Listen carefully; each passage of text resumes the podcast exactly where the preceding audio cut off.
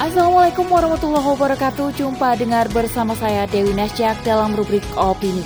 Kali ini dengan judul Penyimpangan Seksual Tak Boleh Dilegalkan oleh Sri Retno Ningrum.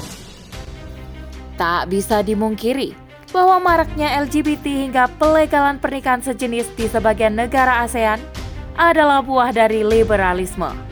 Ideologi kapitalisme yang melahirkan ide-ide kebebasan telah menyuburkan LGBT dan pernikahan sejenis, meskipun hal tersebut tak pantas dilakukan. Selengkapnya, tetap di podcast Narasi Pos Media. Narasi Pos, cerdas dalam literasi media, bijak menangkap peristiwa kunci. Baru-baru ini dikabarkan bahwa sebagian negara yang masuk dalam Perhimpunan Bangsa-Bangsa Asia Tenggara atau ASEAN akan melegalkan hubungan sesama jenis. Disebutkan bahwa Singapura akan menyusul Thailand dan Vietnam yang sudah resmi membolehkan pernikahan sejenis.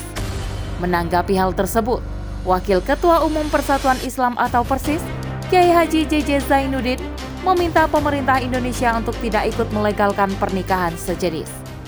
Pernikahan sejenis merupakan bentuk penyimpangan seksual karena sejatinya fitrah manusia adalah menikah dengan lawan jenis, yakni laki-laki dengan perempuan Selain itu, terdapat istilah penyimpangan seksual yang dikenal dengan LGBT.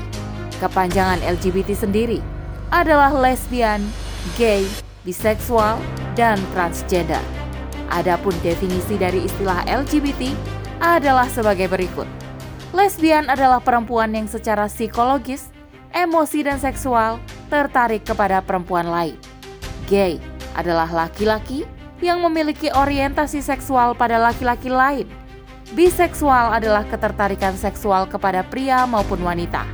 Sedangkan transgender adalah orang yang merasa bahwa identitas gendernya tidak sesuai dengan jenis kelamin saat dia lahir. Contohnya, seorang wanita transgender adalah seseorang yang terlahir berjenis kelamin laki-laki tetapi merasa dirinya adalah seorang wanita. Penyimpangan seksual atau LGBT bukanlah bawaan dari lahir, akan tetapi hal tersebut adalah skenario yang sengaja diembuskan barat atau kafir penjajah untuk merusak tatanan sosial masyarakat. LGBT adalah sebuah gerakan yang terus dikencarkan barat melalui PBB. Salah satu badan dari PBB yang mengampanyekan LGBT adalah United Nations Development Program atau UNDP. Mereka telah mengucurkan dana sebesar 108 miliar rupiah untuk mendukung LGBT di Indonesia dan tiga negara lainnya.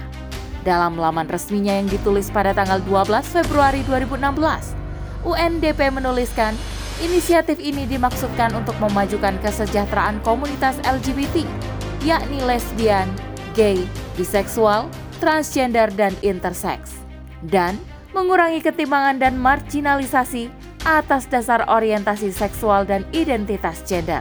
Sungguh, Barat sangat serius untuk mengampanyekan LGBT di negara mana pun khususnya di Indonesia. Hal ini tentu tidak boleh dibiarkan terus terjadi. Sebaliknya, harus ada upaya dari negara ini untuk menghentikan penyebaran tersebut.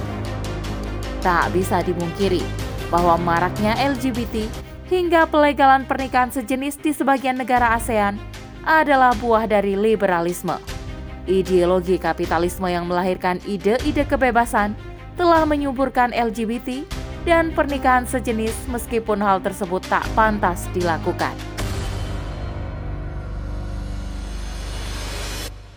Potensi akal yang dapat membedakan antara baik dan buruk pun terkalahkan oleh virus-virus liberalisme. Sungguh miris.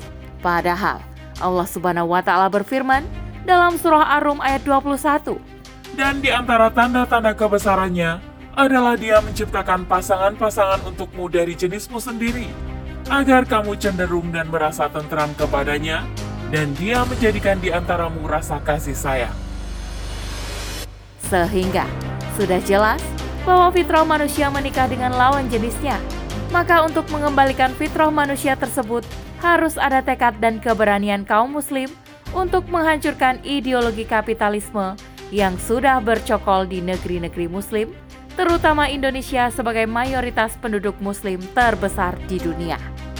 Satu-satunya cara yang ditempuh adalah dengan menerapkan Islam dalam kehidupan dalam bingkai khilafah Islamiyah. Khilafah akan menerapkan hukum-hukum Islam sekaligus akan melakukan pencegahan jika ada penyimpangan seksual di negara khilafah. Pencegahan dilakukan negara dengan menutup masuknya media-media yang menampilkan konten-konten LGBT dan negara akan menggencarkan amar ma'ruf nahi mungkar. Sehingga umat sadar untuk tetap berada dalam koridor syariat Islam. Jika ditemukan penyimpangan seksual, maka negara akan memberikan sanksi berupa hukuman mati. Berdasarkan sabda Rasulullah yang artinya, Siapa saja yang kalian temukan melakukan perbuatan kaum Lut, maka hukum matilah baik yang melakukan maupun yang diperlakukannya. Hadis riwayat Al-Khomsah, kecuali An-Nasai. ada pula ijma dari para sahabat bahwa hukuman bagi mereka adalah hukuman mati. Imam Baihaqi meriwayatkan bahwa Abu Bakar mengumpulkan orang terkait seorang laki-laki yang menggauli sesama lelaki sebagaimana menggauli perempuan. Beliau bertanya kepada para sahabat, semuanya sepakat dijatuhi hukuman mati. Oleh karena itu, marilah kita sebagai negeri yang mayoritas muslim untuk bersegera memperjuangkan tegaknya Islam dalam sistem Islam atau khilafah. Sehingga penyimpangan seksual tak ada lagi di bumi Allah ini. Wallahu a'lam bishawab. Demikian rubrik opini kali ini. Sampai bertemu di rubrik opini selanjutnya. Saya Dewi Nasya kundur diri. Afu minkum. Wassalamualaikum warahmatullahi wabarakatuh.